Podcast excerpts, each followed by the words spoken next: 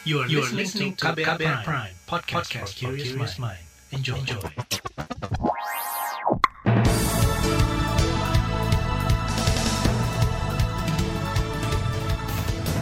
Inilah buletin pagi hari ini 24 Agustus 2021 yang dipersembahkan oleh kantor Berita Radio bersama saya Reski Mesanto. Saudara pagi hari ini seperti biasa tim redaksi KBR telah menyiapkan sejumlah informasi untuk Anda. Di antaranya, kematian akibat COVID-19 di Indonesia tertinggi di dunia. Fonis 12 tahun terdakwa korupsi bansos COVID-19 tuai kritik dan Ganjar tak izinkan sekolah tatap muka di Jateng. Dan saudara inilah buletin pagi selengkapnya. Terbaru di buletin pagi. Saudara Presiden Joko Widodo menurunkan tingkat pemberlakuan pembatasan kegiatan masyarakat atau PPKM di sejumlah daerah dari level 4 ke level 3. Sejumlah daerah yang diturunkan ke level 3 di antaranya wilayah aglomerasi Jabodetabek, Bandung Raya hingga Surabaya Raya. Untuk itu, pemerintah memutuskan mulai tanggal 24 Agustus hingga 30 Agustus 2021 Beberapa daerah bisa diturunkan levelnya dari level 4 ke level 3. Penurunan level PPKM ini juga dibarengi dengan pelonggaran aktivitas masyarakat seperti ibadah, restoran, mal, hingga industri.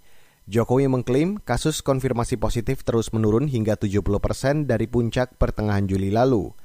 Tingkat keterisian rumah sakit secara nasional juga diklaim turun hingga 30 persen.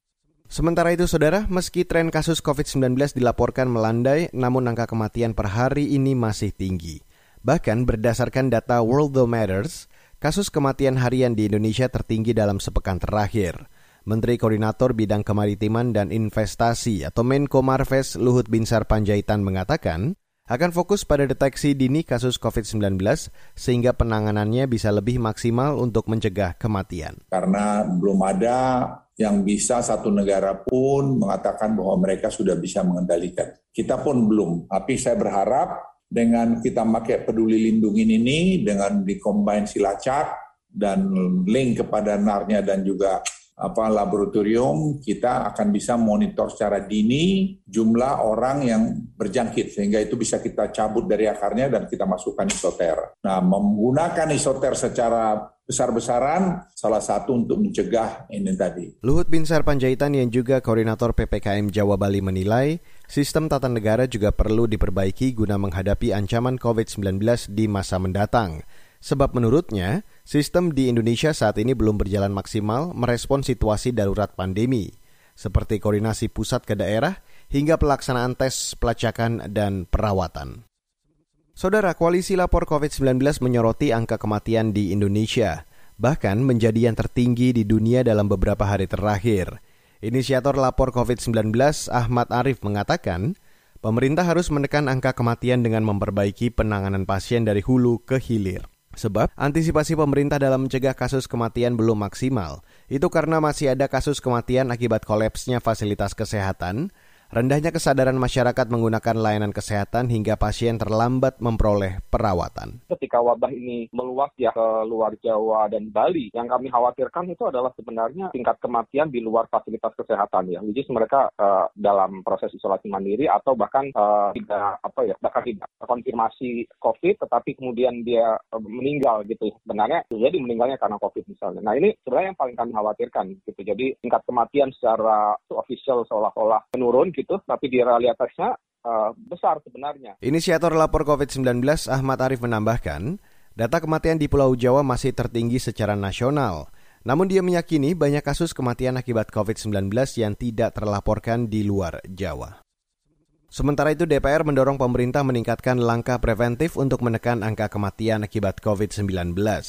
Anggota Komisi Bidang Kesehatan DPR, Kurniasi Mufidayati, mengatakan, Perawatan pasien harus dibarengi sistem yang terukur berdasarkan tingkat kesakitan, sehingga kasus kematian dapat dicegah. Treatment terhadap pasien, ya itu benar-benar sistemnya harus diperbaiki antara yang ringan, yang sedang, dan juga yang berat. Itu kita melihat masih belum ada sistem yang terstruktur dengan baik ya untuk penanganan pasien, treatment terhadap pasien itu. Anggota DPR Kurniasi Mufidayati mengungkapkan, masih banyak kasus kematian saat isolasi mandiri. Untuk itu, dia mendorong ada pemantauan ketat dari tenaga kesehatan. Saudara, epidemiolog dari Universitas Griffith Australia, Diki Budiman mengkritik penggunaan isolasi terpusat atau isoter di daerah. Menurutnya, isoter tidak akan efektif jika tidak ada jaminan sosial bagi kelompok rentan, semisal masyarakat yang rentan secara ekonomi. Jadi tidak bisa dikatakan, oh isolasi karantina terpadu sudah ada kok lengkap, tapi bagaimana dukungan pada kelompok rawannya, keluarganya, anggota keluarganya. Dia pencari nafkah, dia harus isolasi karantina. Nanti gimana? Pasti akan menghindar. Gitu. Nah ini yang harus juga dijadikan evaluasi. Dan kemudian kalau bicara kematian juga PR kita masih di masalah menemukan kasusnya juga. Epidemiolog Diki Budiman menyebut lemahnya tes dan pelacakan juga membuat rasio positif terus tinggi. Itu lantaran banyak masyarakat telah mendapat pelayanan dan harus isolasi mandiri.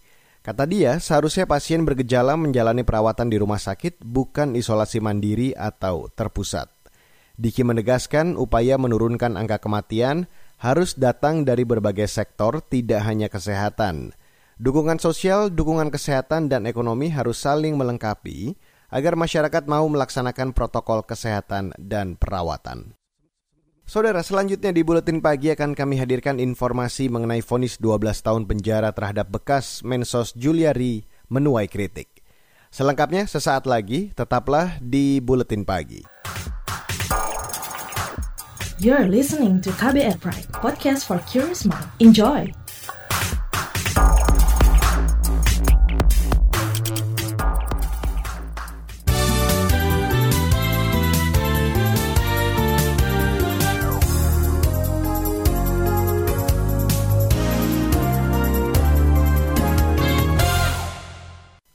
Saudara, Komisi Pemberantasan Korupsi atau KPK akan mempelajari putusan dan pertimbangan hakim soal vonis putusan perkara bansos COVID-19 dengan terdakwa bekas Mensos Juliari Batubara. Kemarin Juliari difonis 12 tahun penjara, denda 500 juta rupiah serta membayar uang pengganti 14 miliar rupiah. Juru bicara KPK Ali Fikri mengatakan, lembaga anti rasuah menghormati keputusan hakim yang menjatuhi tambahan hukuman pidana, uang pengganti serta pencabutan hak dipilih dalam jabatan publik. KPK berharap putusan ini memberikan efek jerah sekaligus menjadi upaya aset recovery hasil tindak pidana korupsi secara optimal. Berikutnya kami akan mempelajari seluruh isi pertimbangan majelis hakim untuk menentukan langkah selanjutnya tentu setelah menerima salinan putusan lengkapnya. Vonis yang dijatuhkan Hakim Pengadilan Tipikor Muhammad Damis itu lebih berat dibandingkan tuntutan jaksa KPK yakni 11 tahun penjara dan denda 500 juta rupiah, subsidiar 6 bulan kurungan. Kuasa hukum Juliari, Magdir Ismail menyatakan, pikir-pikir terlebih dahulu untuk mempelajari putusan vonis dari hakim. Sementara itu, saudara LSM pemantau korupsi ICW menilai Juliari seharusnya difonis penjara seumur hidup.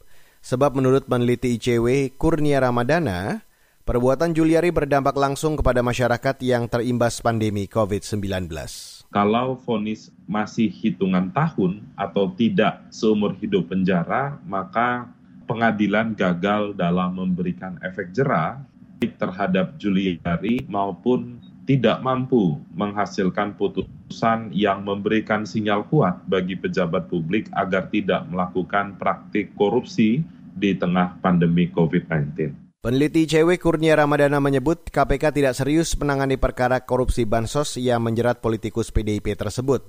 Dia menyebut banyak kejanggalan yang terlihat sejak proses penyidikan berlangsung, seperti penggeledahan yang berjalan sangat lamban, sejumlah nama sengaja dihilangkan perannya hingga adanya indikasi ingin menutup perkara ini terbatas kepada Juliari.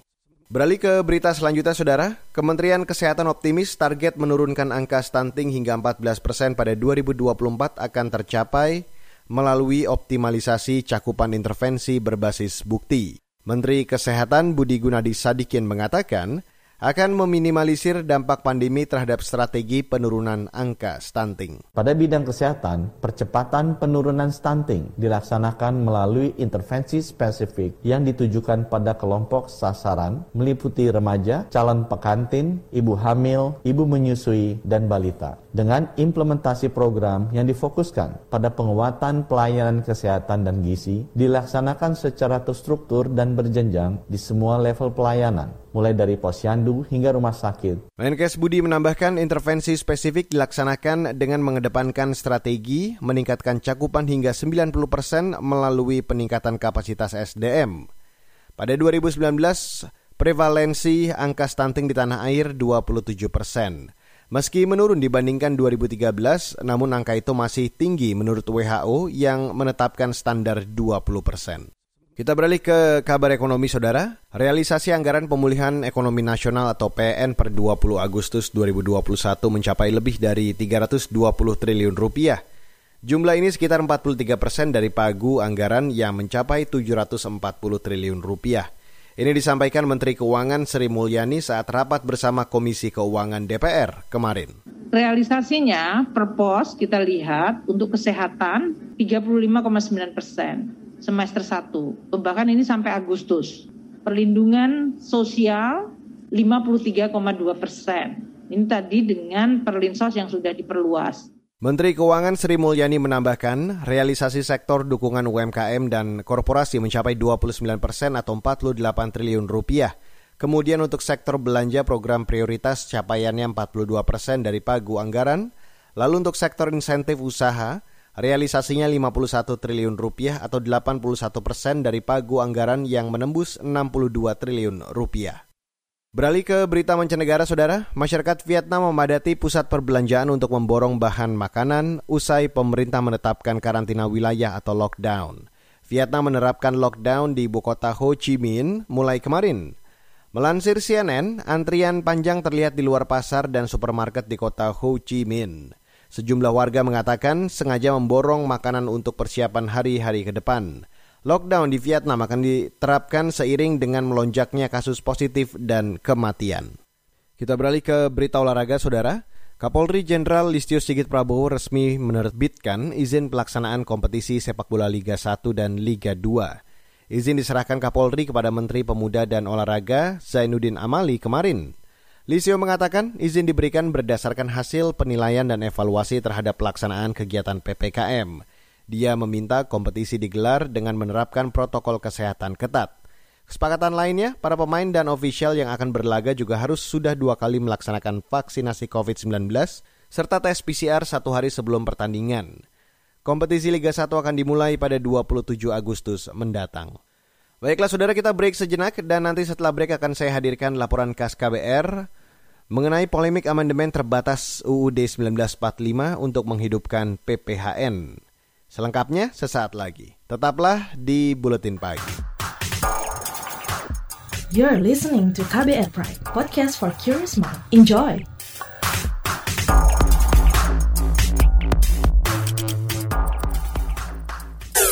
Commercial break.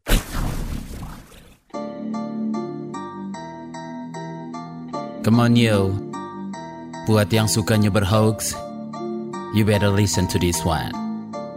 Check this one out yo. Hati-hati kalau baca kabar Hoax, Jangan langsung disebar kabar yang hoax, Kalau mau tahu kabar benar atau hoax, Dengerin cek fakta yang pasti bukan hoax, Dengerinnya setiap Senin yang jelas bukan hoax. Cuma ada di kbrprime.id. Dan aplikasi podcast lainnya hoax, Sudah cukup-cukup hoaxnya? hoax. Cukup Jaga emosi, tahan jari, verifikasi sebelum dibagi. Saya Ari Bowo Sasmito, Ketua Komite Pemeriksa Fakta Mafindo. KBR Prime, podcast for curious mind.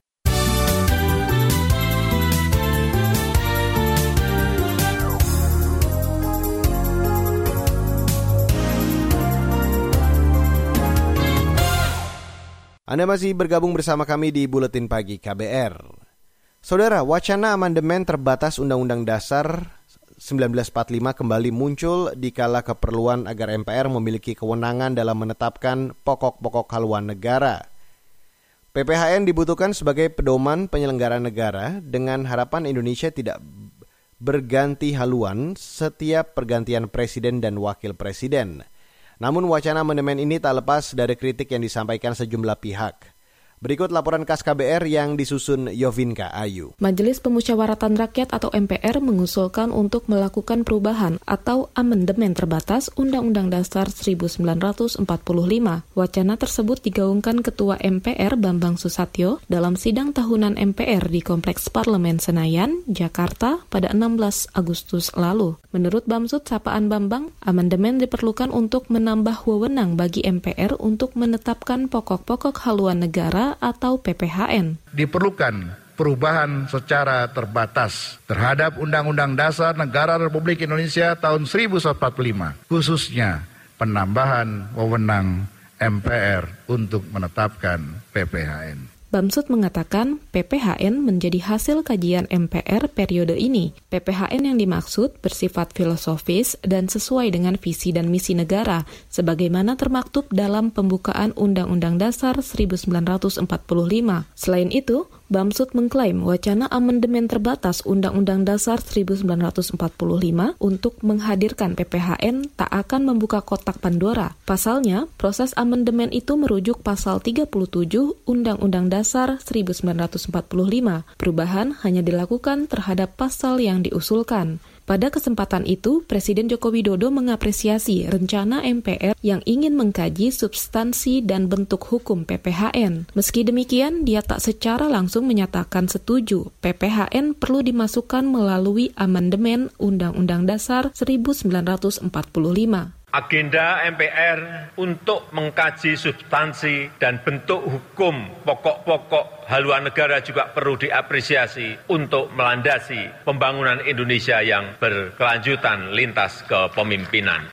Wacana amandemen Undang-Undang Dasar 1945 mendapat penolakan dari sejumlah partai politik, di antaranya Partai Golkar, Nasdem, Demokrat, dan PKS. Partai ini menilai amandemen bukan hal yang mendesak dan dibutuhkan masyarakat saat ini. Terlebih, pandemi COVID-19 juga belum usai sehingga masih banyak persoalan yang harus dibenahi hingga keadaan kembali normal. Di sisi lain, pengamat politik Rai Rangkuti mencurigai perubahan Undang-Undang Dasar 1945 untuk mencantumkan pokok-pokok haluan negara hanya ambisi partai politik belaka. Menurutnya, masyarakat juga belum tentu setuju dengan rencana tersebut. Kata dia, selain DPR yang menjadi perwakilan partai politik, Proses amandemen juga perlu melibatkan Dewan Perwakilan Daerah atau DPD. Jadi kalau amandemen ini misalnya dilaksanakan tanpa menambah kewenangan DPD, ya itu sama saja dengan bohong. Bohongnya itu artinya apa? Artinya ya memang ini ambisi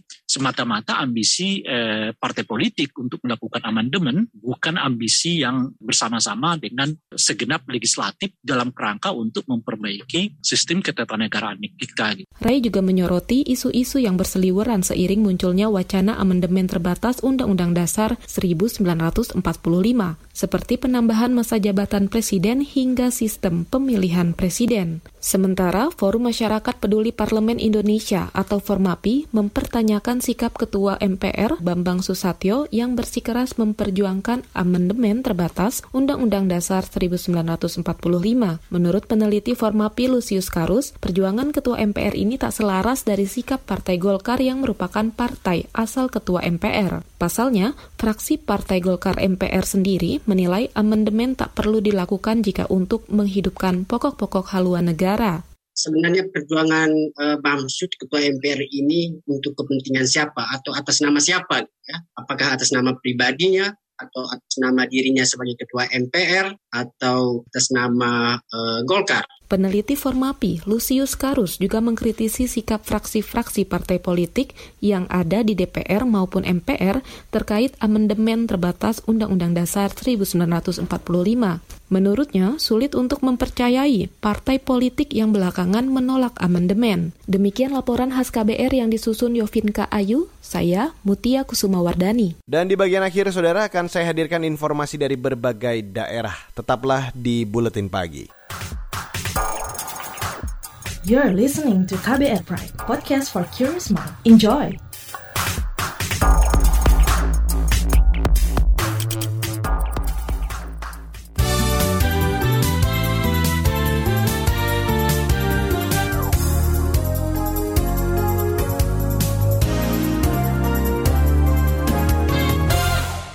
Dan inilah bagian akhir dari Buletin Pagi. Saudara, pengelola perpustakaan Yayasan Mitra Netra Perwakilan Jawa Barat terpaksa memindahkan seluruh barang karena dipaksa pindah oleh pengurus Balai Rehabilitasi Sosial Penyandang Disabilitas Sensorik Netra Wiyataguna Bandung. Alasannya, lokasi perpustakaan diklaim milik BRSPDSN Yataguna Bandung. Menurut Ketua Ikatan Alumni SLBA Pajajaran Bandung, Dadang, Seluruh barang sudah dikeluarkan tetapi belum mendapat ruangan pengganti. Cuman kan masalahnya di perpustakaan ini kan ada beberapa layanan yang sangat urgent. Di antaranya pelayanan untuk memberikan pelatihan komputer bicara bagi siswa-siswa.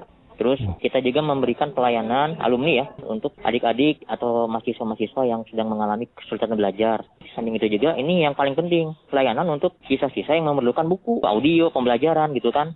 Walaupun memang sekarang masa pandemi. Dadang yang juga pengelola perpustakaan Mitra Netra menambahkan, barang-barang yang telah dikemasi antara lain ribuan buku braille, buku audio, dan kaset pembelajaran. Dadang menyebut BRSPDSN Yataguna Bandung akan merobohkan seluruh bangunan jika perpustakaan tidak segera dikosongkan dalam sepekan. Saat ini Dadang masih mencari ruangan milik SLBA Kota Bandung sebagai penyimpanan sementara. Beralih ke Papua, Saudara. Tim advokasi Papua mengecam tindakan kepolisian dalam penanganan unjuk rasa pembebasan Victor Yemo yang menyebabkan satu orang tewas. Aksi yang berujung pembubaran oleh polisi itu digelar pada 16 Agustus lalu. Tim advokasi Papua, Michael Himan mengatakan, korban tewas bernama Ferianus Aso, dia tewas setelah dua hari menjalani perawatan di Rumah Sakit Bayangkara, Jayapura, akibat ditembak aparat. Hilman mendesak Kapolri Listio Sigit Prabowo menindak pelaku penembakan secara hukum pidana. Saudara, pemerintah Kabupaten Banyumas menggelar tes cepat antigen gratis setiap hari di alun-alun Purwokerto. Bupati Banyumas Ahmad Hussein mengatakan, kuota tes per hari sebanyak 50 orang dan terbuka untuk umum. Warga bisa mendaftar melalui laman faberraya.banyumaskap.go.id. Ini salah satu program tracing, tracing yang dengan kesadaran masyarakat, tidak kita paksa. Ini adanya kan sama saja dengan mendeteksi kondisi masyarakat secara acak. Bupati Banyumas Ahmad Hussein menambahkan saat ini PMK memiliki 23 ribu tes kit nantinya akan didistribusikan secara merata dan proporsional di wilayah sasaran. Tes antigen gratis ini juga akan dilakukan di wilayah lain seperti Aji Barang, Wangon, serta di titik-titik keramaian. Saudara Gubernur Ganjar Pranowo tak memberikan izin pembelajaran tatap muka atau PTM selama diterapkannya kebijakan PPKM. Dia meminta daerah yang menggelar PTM untuk melapor terlebih dahulu pada Dinas Pendidikan Provinsi. Maksud saya jangan sampai ada sesuatu yang disiapkan secara massal tapi nggak siap. Bukan apa-apa, kita melihat karena vaksinnya e, untuk para pelajar kan memang belum banyak. Jepara mau uji coba SD, saya minta jangan bareng-bareng karena SD ini belum divaksin, maka hati-hati betul. Saya minta direview dulu, ojo ke susu. Gubernur Jateng Ganjar mengakui ada laporan sejumlah sekolah di Jawa Tengah yang nekat menggelar PTM di tengah penerapan PPKM. Dia telah menyiapkan surat edaran kepada Bupati Wali Kota agar pelaksanaan PTM tak digelar sembarangan. Dan saudara informasi tadi sekaligus menutup buletin pagi untuk hari ini. Terima kasih untuk Anda yang sudah bergabung dan jangan lupa untuk selalu update informasi terbaru melalui KBR. Ingat patuhi protokol kesehatan di mana pun Anda berada dan mewakili tim redaksi yang bertugas pagi hari ini, saya Reski Mesanto undur diri. Salam.